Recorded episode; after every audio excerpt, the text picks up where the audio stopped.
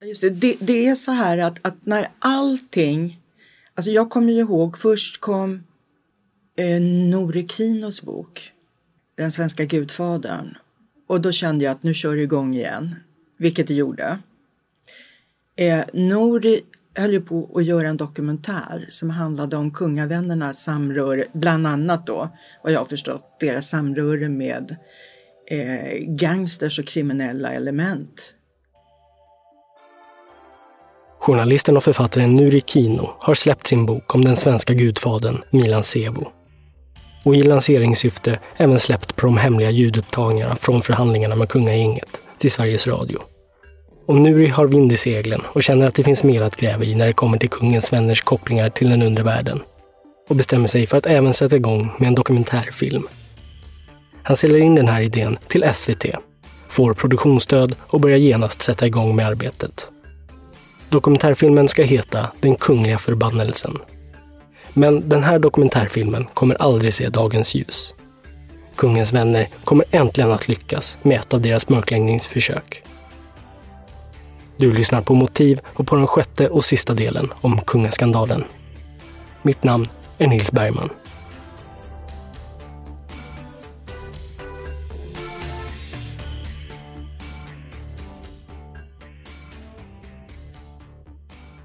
En person som kommer ha fingret med i spelet när det kommer till kungagängets lyckade försök att stoppa Nurikinos dokumentärfilm är en man vid namn Porrlasse.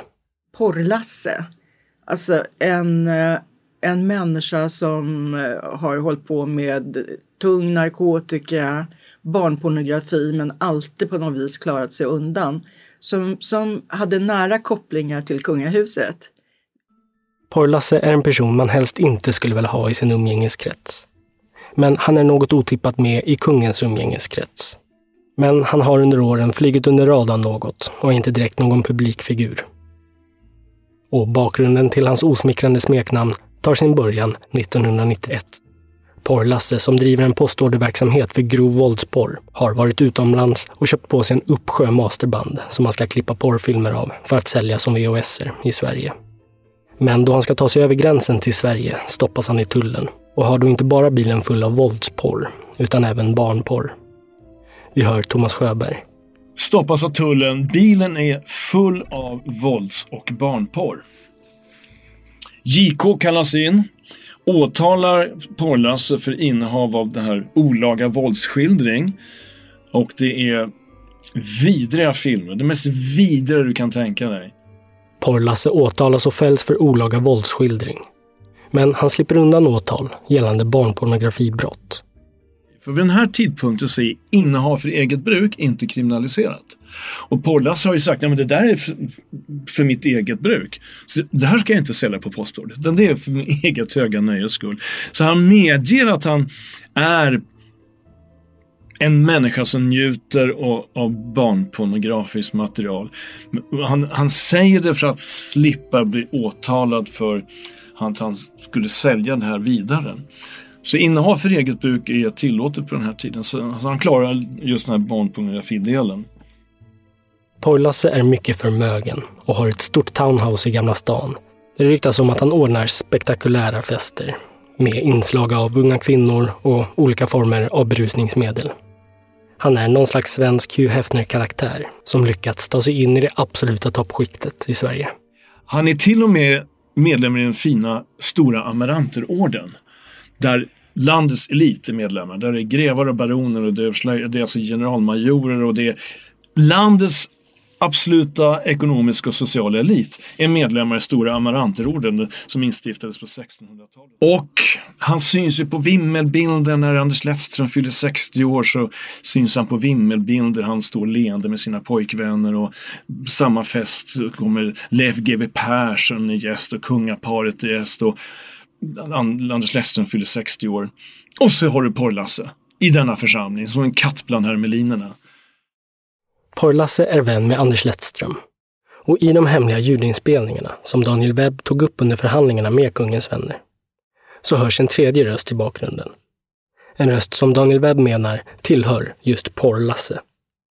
Den tredje rösten hör till Porrlasse, för det är Porrlasse som möter Daniel Webb när han första gången kommer till Oscarsteatern. Så Porrlasse är i högsta grad inblandad också i kungagängets försök att köpa loss bilder från Mille Markovic. Det här har Nurikino fått veta av Daniel Webb såklart. Han har ringt upp Porrlasse och konfronterat honom första gången. Vi vet att det är din röst som hörs på de här hemliga inspelningarna. Porrlasse förnekar och ber honom i princip dra åt helvete och slänger på luren. Nurikino ringer upp Porrlasse i syfte att få ett uttalande från honom gällande hans medverkan i förhandlingarna med Milan Sevo och Daniel Webb. Eftersom Nuri behöver ha det här till den dokumentärfilm han arbetar med och som kommer att kretsa mycket kring just de här förhandlingarna. Nuri får inget uttalande från Porrlasse, men jobbar på med dokumentären ändå. Och han börjar snart bli klar. Han har väl filmat det han ska göra, är väl någonstans på väg in i ett efterbearbetningsprocess då, klippa ihop den här dokumentären. Då han råkar ut för en hårddiskkrasch. Hans dator pajar. När datorn är full liksom av uppgifter, källor, namn, alltså även om nu är Kinos privatliv och, och, och källor. Det känns känsligt innehåll på en hårddisk för, på en, hos en prisbelönt journalist. Nuri behöver reparera sin kraschade hårddisk illa kvickt. Så han lämnar in den till en liten datareparationsfirma på Söder. Vad Nuri Kino inte vet är att den här killen som tar emot hans dator är älskare till Porrlasse. Så utan att han där och då vet om det så har Nurikino precis lämnat in sin hårddisk innehållandes en mängd känsligt material till fiendelägret. Kort tid därpå så får Nurikino ett mejl från avsändaren kallar sig Din värsta mardröm. Och innehållet går i korthet ut på att man har kommit över innehållet i hans dator eh, och hotar med att offentliggöra innehållet om inte Nurikino lägger ner arbetet med dokumentären. Och det här hotmejlet får Nurikino så pass skärrad att han lägger ner dokumentären. Som alltså var finansierad av skattepengar och bara skulle klippas klart och sen sändas i SVT. Och Nurikino väljer i det här läget att lägga ner arbetet med dokumentären och gå under jorden. Allting bara läggs ner. Dokumentären läggs på hyllan. Materialet, det är ett ganska många timmar, timmar filmat material, hamnar i någon slags ingenmansland, någon slags Ingen riktigt, vem, vem äger materialet? Är det Sveriges Television eller är det, är det produktionsbolaget? Eller vem, vem äger materialet? Ja, det blir lite osäkerhet kring det här. Eh, det viktiga nu är ju att mörkläggningsförsök nummer, är det ordningen? Är det fyra tror jag? Har då lyckats. Dokumentären som Nurikino jobbat på som skulle berätta om kungaskandalen har liksom stoppats. Uh, och sen hörs inte Nurikino av dem mer. Och, och det, det, lustiga är att eh, jag fick läsa ett av de här hotmejlen och det var identiskt med ett annat hotmejl som Desiree Shaina Hukas skickat Dian får senare ta del av det hotmail som skickades till Nurikino. Och hon tycker sig veta vem avsändaren är. Dian tycker att orden och utformningen i hotbrevet är bekant. För Dian har själv mottagit liknande brev. Och det var i princip bokstavligen identiskt. Den person som Dian tror har skrivit hotbrevet till Nurikino är en kvinna vid namn Desiree Shine. Vid det här laget har denna Desiree Shine förpestat i hans tillvaro genom att terrorisera henne på nätet. Och hon hade ju en metod. Hon, hon fullkomligt dammsög allt och alla som fanns runt omkring oss som personer. Det börjar med att Diane får utstå smutskastning från en rad olika användare på olika nätforum. Diane misstänker till slut att det är en och samma person som döljer sig bakom inläggen. Och när hon nystar i vem det kan vara pekar spåren mot denna Desiree Shine. Men Desiree Shine nöjer sig inte bara med att smutskasta Diane på nätet. Hon trappar upp det här beteendet och kommer Diane närmre in på livet. Jag, jag hade ett så kallat kvalificerat eh, familjehem för tonårsflickor. Och helt plötsligt så börjar jag få rapporter om att eh, hon ringer mina fosterdöttrar. Hon ringer eh, deras föräldrar. Hon ringer mina uppdragsgivare. Hon ringer till skolan.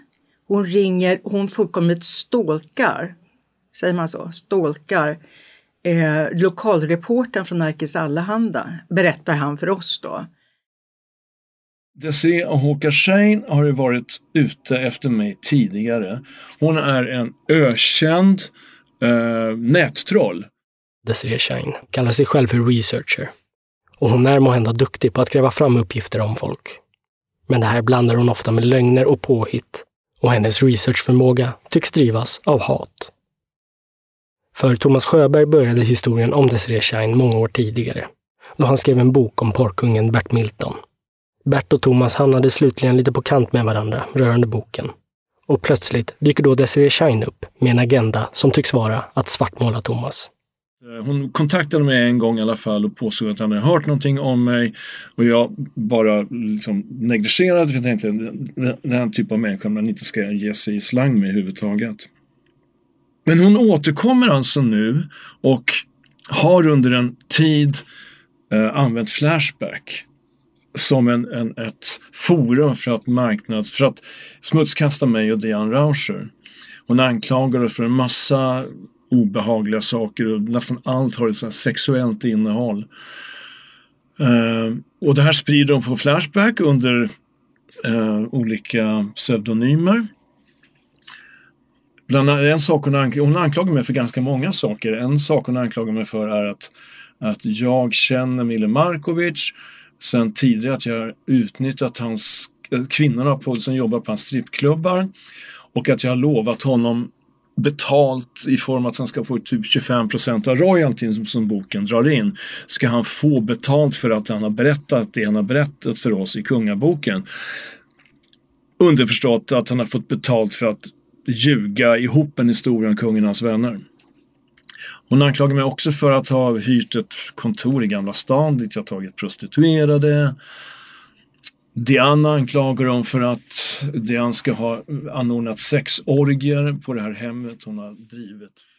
Att Desiree försökte angripa Dianes fosterhemsverksamhet tycker Diane var lågt. Och hon minns tydligt hur bisarrt allting var. En fredag eftermiddag när Diane varit i Stockholm några dagar och är på väg tillbaka ut till Nora får hon ett samtal från en kvinna på Socialstyrelsen. Och hon säger att en mycket oroväckande anmälan har inkommit mot Diane och hennes familjehem. Det här är alltså en anmälan som eh, upptar tre av fyra sidor och det är ungefär 40 stycken anklagelsepunkter på den.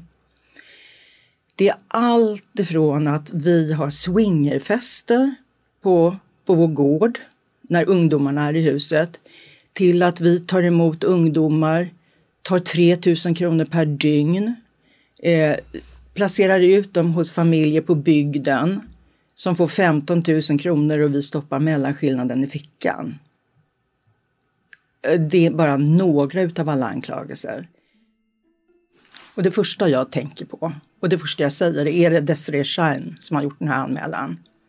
Och det bekräftas då. Diane får bekräftat att det är Desiree Shine som ligger bakom anmälan. Och socialtjänsten är skyldig att ta anmälan på allvar och de gör en utredning. Men inser snart att anmälan är grundlös. Det finns inget fuffens med Dianes familjehem. Anklagelserna i, i anmälan var ju så absurda så att eh, jag kunde knappast låta bli att skratta åt dem. Eh, och, och, vem som helst som hade läst det här och som vet hur ett familjehem fungerar hade nog gjort samma sak. Utan vad det handlade om det var att sätta käppar i hjulet för mig. Att förstöra mitt och Thomas liv professionellt, ekonomiskt och socialt. Desiree hittar ständigt nya vägar för att röra om i grytan och försöka förstöra för Diane och Thomas. Och hon är kreativ, men också märklig. Och riktigt märkligt blir det en morgon då Diane kontaktas av en journalist. Och berättade för mig att det var ett band, ett inspelat telefonsamtal där jag skulle ha ringt och trakasserat en 83-årig kvinna på Lidingö. Journalisten som ringer säger att han fått en bandinspelning av en anonym källa. Ett inspelat röstmeddelande som källan med bestämdhet hävdar att det är lämnat hos en äldre kvinnas telefonsvarare. Där de påstod att jag var väldigt berusad eh, och hade ringt och talat in ett långt meddelande på hennes telefonsvarare. Och det här bandet skickades runt till halva media-Sverige. Vi kan inte ta samtalet just nu, men lämna gärna ett meddelande efter pipet så ringer vi upp. Jag har ju inte varit någon offentlig person. Eh, folk hade väl inte hört min röst. Så att... Eh, eh, eller å andra sidan så var ju det här bandet så, att inspelningen så oerhört absurd så att vem som helst med sinnet i behåll borde ju ha förstått att det här är det något som är skumt. Ja, det är ett riktigt skumt band. Journalisten skickar över inspelningen till Dejan. och Dejan begriper ingenting.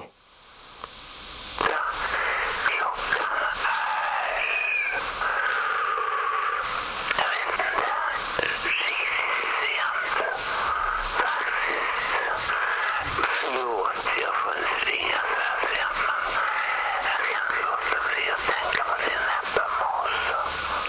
Äppelmos. Äppelmos.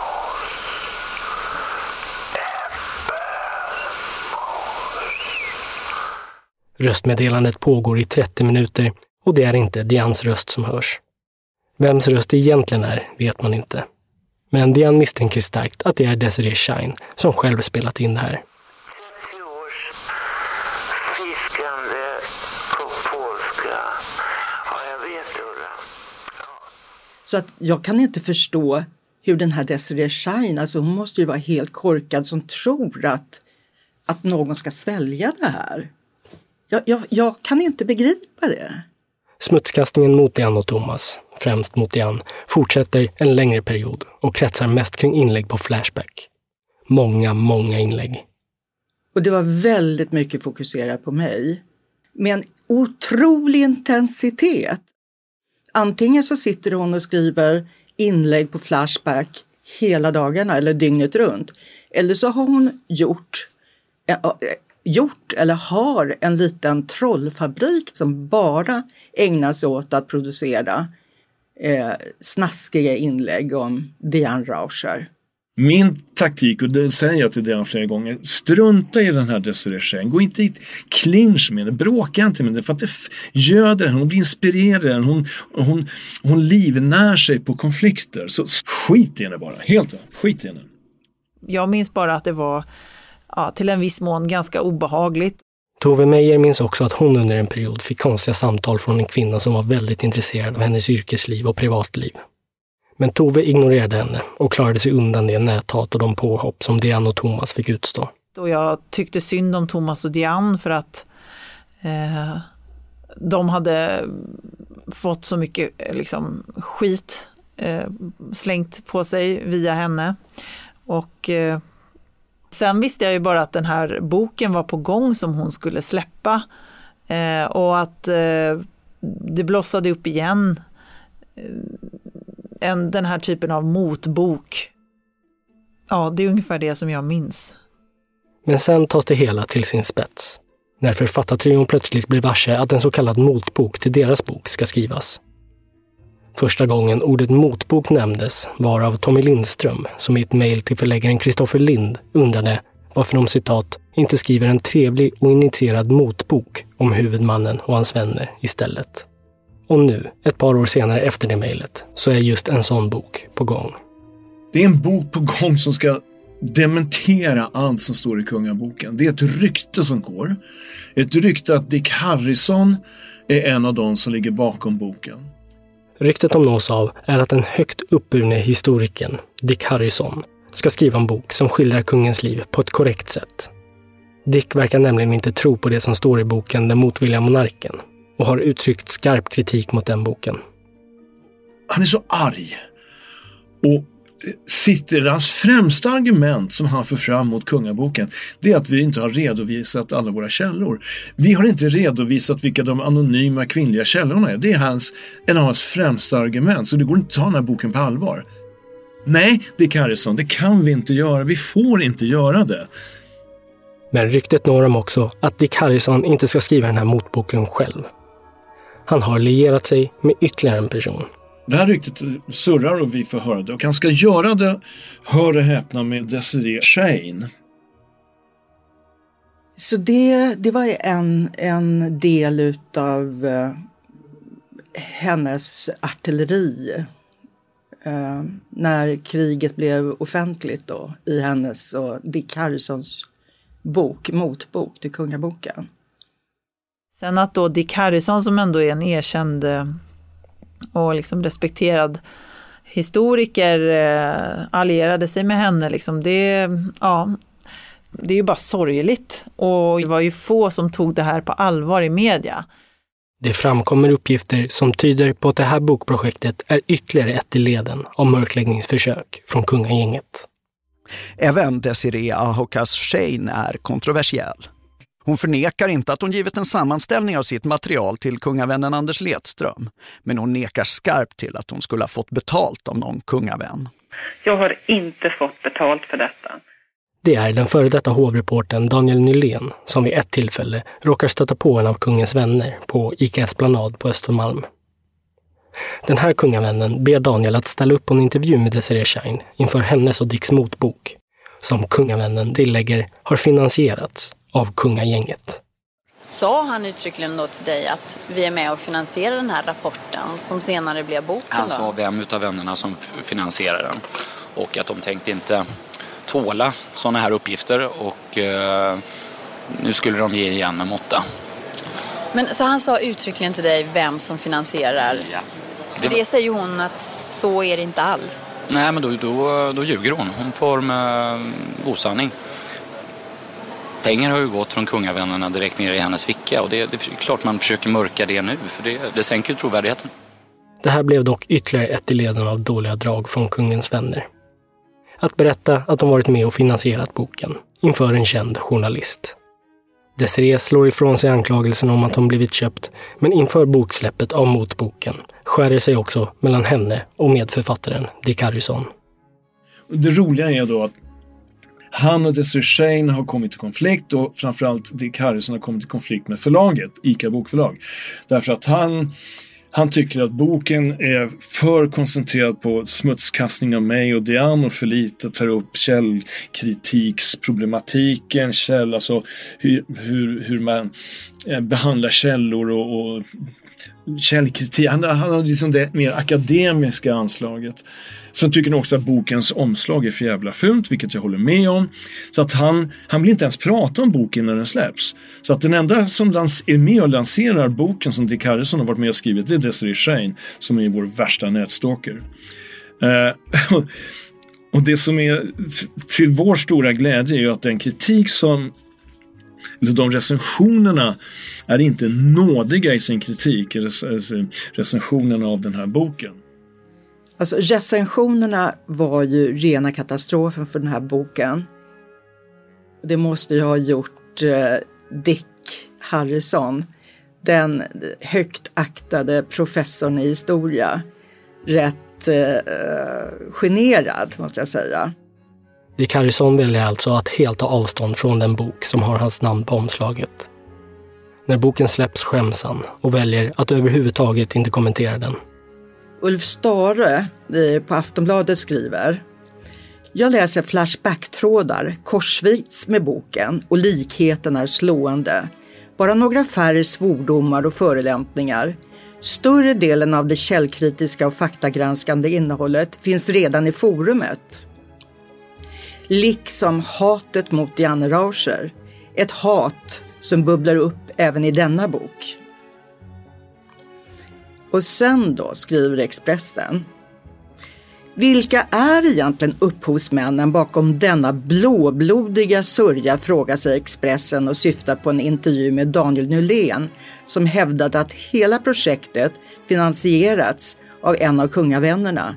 Mysteriet tätnar då Dick Harrison offentligt tar avstånd från boken. Desiree Shines och Dick Harrisons bok som döps till Från en säker källa förkastas snart som nonsens.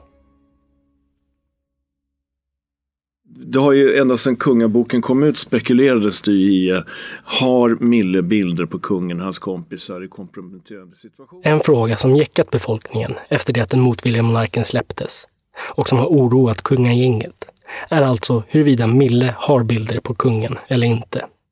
Mille har ihärdigt påstått att han har bilder samt att han när tiden är mogen ska lägga upp dem på en betalserver på nätet. Och han håller på och frestar media med de här bilderna en ganska lång tid. Tills han då väljer att offentliggöra en av dessa bilder. Och det där är ju sensationellt under en kort tid. Men det är allt fler som ifrågasätter äktheten av den här bilden. Mille hävdar ju att den är äkta. Han har den här, den är tagen vid ett tillfälle då kungen och hans kompisar har haft en sån här fest där de har underhållits av, av eh, strippor. Det är i december 2011 som Mille offentliggör en av de bilder som han påstår är tagna på kungen. Men det fastställs snart att bilden är manipulerad. Och ganska uppenbart manipulerad. Och det här orsakar ju då en olika reaktioner. Eh, det är många som jublar och säger vad var det vi sa? Mille är inte att lita på, han ljuger, han har till och med presenterat en manipulerad bild. Och för oss så var det ju ett bakslag kan man säga därför att Mille har då i ett slag någonstans visat att han är inte att lita på. Den här karln ljuger. Och kan man då lita på vad han har sagt till oss i kungaboken? Så för oss var det ett, ett ganska dramatiskt bakslag. Då bilden avfärdas som fejk väcks istället frågan varför Mille valt att offentliggöra en så uppenbart fejkad bild. Vad har han att vinna på det? Eh, och det finns olika teorier om det här. Ja, en som jag tycker låter ganska rimlig är att Mille har fått betalt för att ta fram en manipulerad bild. Ganska rejält betalt för att på det sättet låta sig bli ett redskap för de som vill att hans trovärdighet ska sänkas, liksom kunga, det som står i kungaboken. Så att det är möjligt att Mille har låtit sig köpas helt enkelt. Till slut. Jag vet inte detta. Och eh, Mille har aldrig heller sagt, han hävdade efteråt att bilden är äkta. Att den inte var manipulerad. Så att, och där slutade väl egentligen den historien. Men det var kanske 1-0 till, till, till fiendeläget om man tar ur, ur vårt perspektiv. Um, vi hävdade aldrig kunga, och det är viktigt att påpeka, vi hävdade aldrig i kungaboken att det fanns bilder. Däremot så resonerade vi kring möjligheten att Mille skulle kunna ha bilder. Vi hade ju aldrig påstått att han hade äkta bilder. Det, för det kunde ju vi inte veta utan vi hade berättat att han hade berättat att han hade bilder. Men då var det ju olika personer som, som sa till mig att ja men Diane, det fattar du väl? Att han har förmodligen sålt de där bilderna. Han har fått betalt för de här bilderna. Och därför lägger han ut den här fejkbilden för att historien om bilderna ska spricka. Och, och, det är ju möjligt att det var så, det kan ju inte jag eh, alltså säga. Eh, var det liksom menat att det skulle synas att det var fejk? Fanns det liksom krafter bakom som hade fått betalt för att publicera detta? Var det här ett samarbete med, med, med, med någon tidning och eh, Mille eller var det ett samarbete med kretsarna kring kungen? Och, och, och det här är ju bara spekulationer.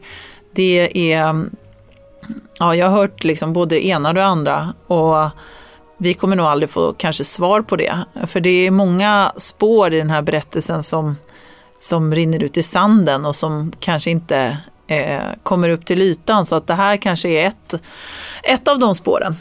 Så. Eh, och jag känner väl ibland att jag inte är helt bekväm i att eh, spekulera om sådana här saker. För man, man vet liksom inte fortfarande vad det finns för krafter som är verksamma. Det känns faktiskt så. Som att det är lite farligt på något vis. Löpsedlarna om den motvilliga monarken och om kungens excesser börjar sakta men säkert mattas av. Men för Thomas fortsätter boken göra sig påmind och åren som följer finner han sin situation där han har mycket svårt att få nya uppdrag som journalist. Att han skrivit den skandalomsusade boken om kungen tycks vara problematiskt för arbetsgivare som verkar vilja ta avstånd från honom. Att skriva en bok om kungen som vi har gjort, det straffar sig. Det straffar sig på alla möjliga sätt. Det här är ett av de många sätten det straffar sig på. Thomas skriver dock ytterligare en biografi, denna gång över Ingemar Bergman.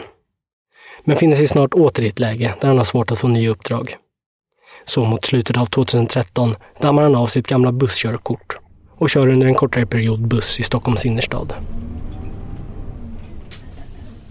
Vi skriver nu eh, januari 2014. Jag sitter och tittar på tv tillsammans med min hustru.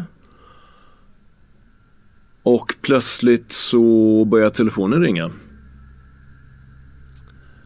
Och det är media som vill ha min kommentar till att eh, Mille har blivit mördad. Den 23 januari 2014 rapporterar medier om att Mille blivit mördad. Mordet ägde rum i Bromma, där Mille bodde. På kvällen den 23 januari sätter han sig i sin bil och ska köra ut från sin parkering. Då han plötsligt hindras av en bil som ställer sig i vägen. Det kliver fram några män som går fram till förarsidan på Milles bil och skjuter honom genom fönsterrutan med fyra skott i huvudet. Gärningsmännen flyr platsen och mordet förblir ouppklarat. Än idag vet ingen varför Mille mördades. Mendean, som efter boken om kungen även skrev Milles biografi, är inte förvånad över att Milles liv slutade på det här sättet.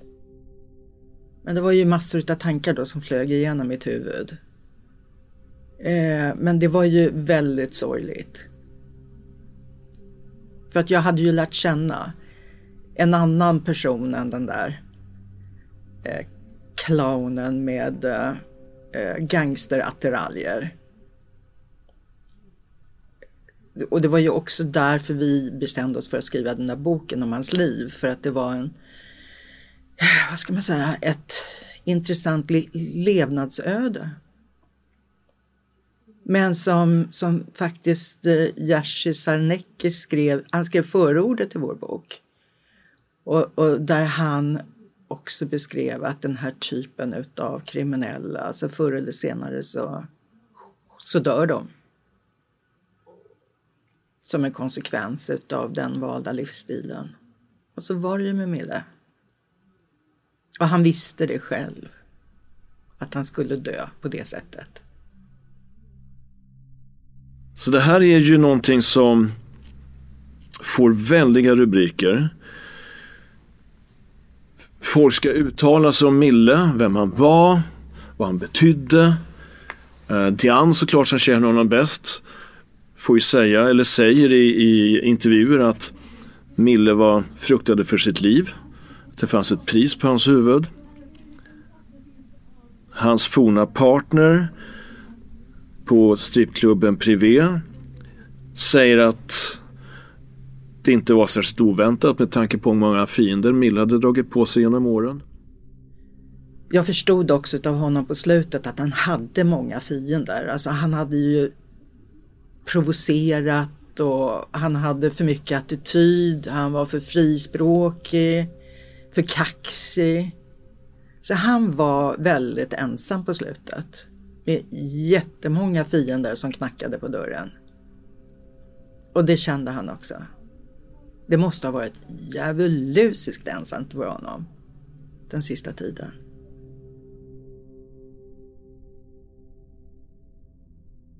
Så han är ju ganska ensam typ? Ja, nu är han ju mer ensam än någonsin så vitt jag förstår.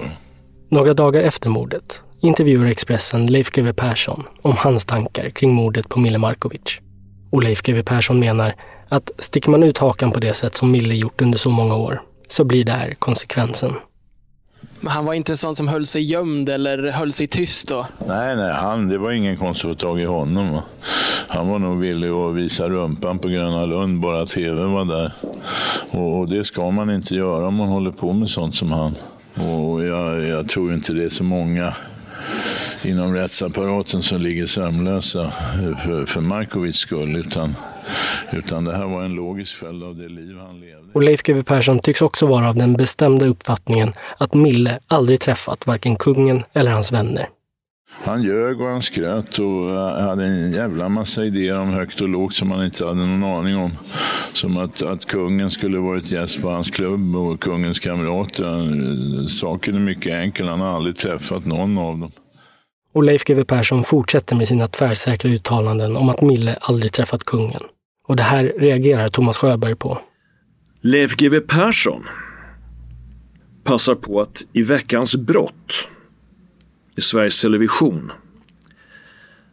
han får frågan av programledaren Camilla Kvartoft om Leif GW Persson tror att mordet kan ha någonting att göra med Milles medverkan i Kungaboken. Och hon hinner knappt ställa frågan klart förrän GW Persson avbryter henne och säger nej, det är det absolut inte. Det har absolut ingenting med att göra. Det tror jag. Det har, inte, det har absolut inte med att göra. Varför inte? Nej, det är fullkomligt ointressant. Och det var ju påhitt alltihop. Mm. Markovic har aldrig träffat kungen och hans kamrater. Men han såg en möjlighet att göra en hacka. Och så säger GW Persson i direktsändning i public service att allting var ju bara ett påhitt från början. Mille Markovic har aldrig träffat kungen och hans kamrater. Men han passade på att tjäna en hacka och tog den. Och med det låter Camilla Kvartoft sig nöja. Alltså, när jag ser det här så tänker jag att okej, hur vet Leif GW Persson detta? Har Leif GW Persson någonsin varit gäst på Club Power? Har han varit med på några kungafester? Där det har varit kaffeflickor och strippor? Eller hur, kan han yttra sig så tvärsäkert? Jag vet ju varför han gör det. Han är ju jackkompis med, återigen, han är ju jackkompis med Anders Lettström. Och umgås i de här kretsarna. Och tar varje tillfälle han får att, att påstå att det här med att kungen och hans kompisar träffat Mille Markovic är bara lögn. Men det som är anmärkningsvärt är att han får säga det omotsagd i, i Sveriges Television. Å andra sidan är det inte så konstigt. Leif GW Persson har ju uppnått en, en, en, en status i folkhemmet och han har blivit en, en, en ja, vad ska man säga, en, en nationell hjälte på något sätt. Så att det han säger blir sällan ifrågasatt. Han är så populär och vet om det. Så att om han säger att det här är någonting med kungaboken är lögn för Benedikt, då, då är det stor chans att folk tror på det. Usch, det lät det där bittert. Nej då. Jag tycker... Jag tycker det är fantastiskt. Jag tycker det är fantastiskt att, att, att, eh, att han sitter där och, och, och säger såna här saker. För det, det visar ju hur, det, det visar vilken enorm makt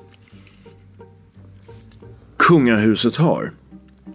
Och då menar jag, det är, inte form, det är inte den formella makten jag pratar om nu. Jag pratar om den informella makten. Det vill säga alla de tillskyndare som finns runt kungen och hovet. Då pratar jag om väldigt mäktiga personer.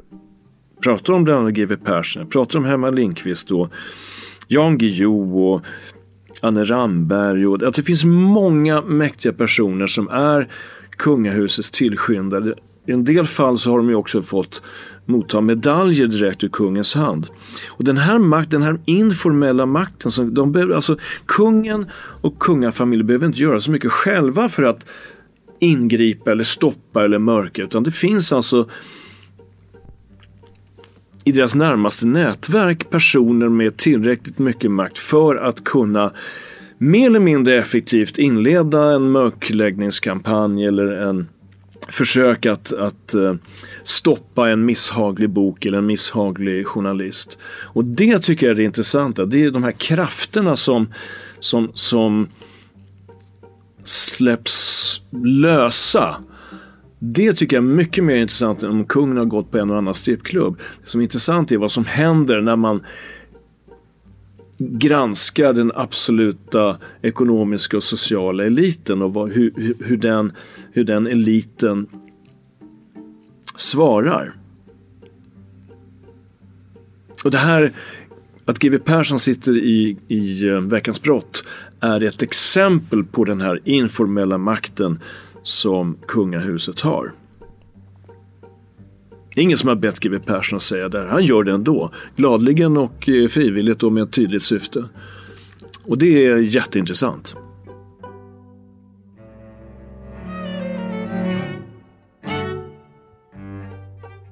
Att kärnan är att, mm, alltså att maktens män aldrig har behövt ta ansvar för sina handlingar. Så här i backspegeln känner Tove att arbetet med boken Den motvilliga monarken var viktig. Det är en bok hon idag är väldigt stolt över att ha varit delaktig i. Men boken, som släpptes hösten 2010, släpptes kanske sju år för tidigt. Kanske hade den mottagits på ett annat sätt om den släpptes idag. Såg det, den här memet eller broderiet där det står så här boys will be boys, det är ju så här klassiskt uttryck. Och sen så nu så efter metoo så har det verkligen kommit liksom boys will be fucking held accountable for their actions och det är väl lite så, så här, man känner att eh, Eh, hade boken kommit ut nu eller i samband efter hösten 2017 så tror jag att det hade varit mindre fokus på kanske just eh, skandalförfattarna så här, utan mer kanske fokus på eh, hur, hur ser kvinnosynen ut i toppskiktet bland pampar och eh, kungligheter. Så. Hur länge ska liksom maktens män ha, få ta sig rätten att bara eh, ja men ta sig, vad ska man säga, de har befogenheter som inte leder till några konsekvenser. För det är ju någonting med, det är ju liksom ett maktspel känns det som. Eh, det här att man kan behandla andra människor och kvinnor som liksom objekt som man tar del av. Jag menar det är ju ingenting som är exklusivt bara för för eh, kretsen kring kungen. Det återkommer ju i eh, en massa olika sammanhang. Och eh, att bara liksom på något vis glänta på de ridåerna och ställa sig frågan så här, ja men tycker vi att det är okej idag här i Sverige? Det är väl liksom lite det som är frågan, kan jag tycka. Och sen inte att ska vi störta monarkin eller inte, det är inte det som är huvudsyftet liksom. Så.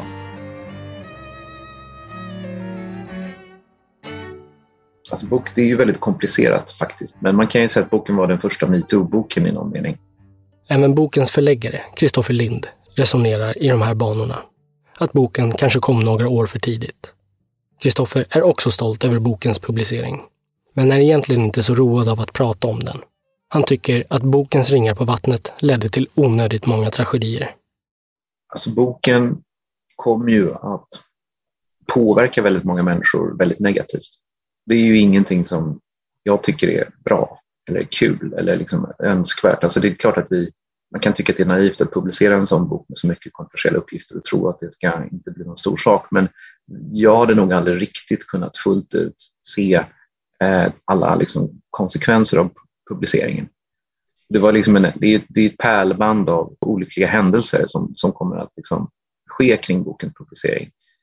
Jag tycker exempelvis hur konstigt den kan låta att Anders Lettström betalade ett väldigt högt pris. Um, och uh, på vår sida så, så utsattes Thomas för en fruktansvärd uh, förtalskampanj, fick inga jobb. Eh, Tove klarade sig väl bäst av alla för hon förlorade jobbet, sen fick hon tillbaka sig, sen blev hon någon slags hjälte. Eh, men hon, hon, hon, hon har ju klarat sig väldigt bra. Liksom. Eh, Thomas har fått all skit och Diana har fått väldigt mycket skit. Eh, så det är, det är otroligt mycket som, som jag tycker det är allt för många människor som har betalat ett för högt personligt pris. Det, och det är därför som jag inte tycker det är så kul att prata om boken. För att det, det, ja, det, det ledde till mycket olycka som, som, ju inte, det finns något, som det inte finns något bra i sig självt. Och Diane Rauscher minns tillbaka på känslan hon hade att de flesta av hennes journalistkollegor var tacksamma över att hon bidragit till att öppna upp den dörr som tidigare hållits stängd med ett järngrepp. De tyckte att det var bra att den här boken kom ut. Och att de hade förhoppningar då om att deras egen möjlighet att granska makten, alltså kungahusets makt och kungen och nätverken däromkring, att den skulle bli enklare. Um, Men det verkar ju som det har runnit ut i sanden nu med facit i handen. Efter 10-11 år så är vi väl tillbaka på ruta ett på något vis. Kanske håller den här dörren på att stängas igen. För hur låter det egentligen nu för tiden när stora nyhetsmedier rapporterar om kungens liv? Tydligast blir det kanske då TV4 Nyhetsmorgon med Marcus Oskarsson och Jesper Börjesson gör ett inslag om kungens liv genom åren och får en fråga inskickad från Anton i Mora. Yes, books. Ja, massor med frågor har vi. Ja, det har kommit Ja. mycket frågor. Ja, vi kör väl igång direkt va? Ja. ja. Från Anton i Mora. Vad är det bästa och det sämsta med kungen? Bra fråga. Ja, det är en väldigt bra fråga. För det ger ju mig möjlighet att komma lite grann med kungens highs and lows under hans regenttid. Marcus Oskarsson går långt tillbaka i kungens regenttid och nämner både ris och ros. Och nämner bland annat den uppmärksammade felsägningen “kära örebroare” som kungen säger då han egentligen befann sig i Arboga. Men så kommer Marcus till slut till vad han kallar för den största skandalen. Och sedan kom den största kungaskandalen av dem alla. 1989. Kungen var på statsbesök i Nya Zeeland och i Sveriges Television så sände man en dokumentär om den norska säljakten. Hur de norska säljägarna slog sälungarna, kutar tror jag man säger. Blodiga och döda, fullt med blod på bilderna. Jättemånga i Sverige blev upprörda. Och kungen gjorde det man absolut inte får göra som kung. Han klev ut i media och sa om Gro Harlem Brundtland, Norges statsminister, inte ens kan ta hand om problemet med säljakten, hur ska hon då kunna ta hand om det norska folket? Och det är ju där han är inne och tenderar på något han inte egentligen ska ha åsikt om, det vill säga politiken. Precis, Ja. enligt Torekovskompromissen. Stort ramaskri. Folk var jätteupprörda. Ner på en etta här. När Marcus sedan rör sig uppåt i åren tror man ändå att skandalen som omgärdades av boken Den motvilliga monarken, om uppgifterna i den och om kungens vänners mörkläggningsförsök åtminstone ska nämnas. Men icke. 08 så sa han att det håller på att bli för många vargar i Sverige. Och det är en sån här känslig fråga ju. Så att det var många som var upprörda. 2010 var han tillbaks i Örebro. Och då så sa han, det här har jag väntat på i flera år. Kära örebroare. Och folket jublade. Han bjöd ju verkligen på sig Ja, själv där. Väldigt, eh, väldigt charmigt. Sen de sista åren har det varit väldigt tjo och tjim. Mycket kungabröllop med kungabarnen och, och så vidare. Och här lite bilder från igår. Så Ja. det är väl lite grann kungens eh, liv genom åren. Ja. Bra genomgång där Marcus. Hoppas att... Eh... Du har lyssnat på podcasten Motiv om kungaskandalen. Den här serien är en samproduktion mellan Talltale och Sinaida Production. Producerat av mig, Nils Bergman. Medproducent Thomas Sjöberg. Ansvarig utgivare Jonas Häger. Serien är tillägnad Anton i Mora. Kungaskandalen görs även i samarbete med Lexbase. På lexbase.se kan ni som betalande medlemmar ta del av tre kostnadsfria domar med rabattkoden MOTIV. Glöm inte att prenumerera på podcasten Motiv och att följa Motiv i sociala medier så att ni håller er uppdaterade om nya släpp. Stort tack för det och tack för att ni lyssnat.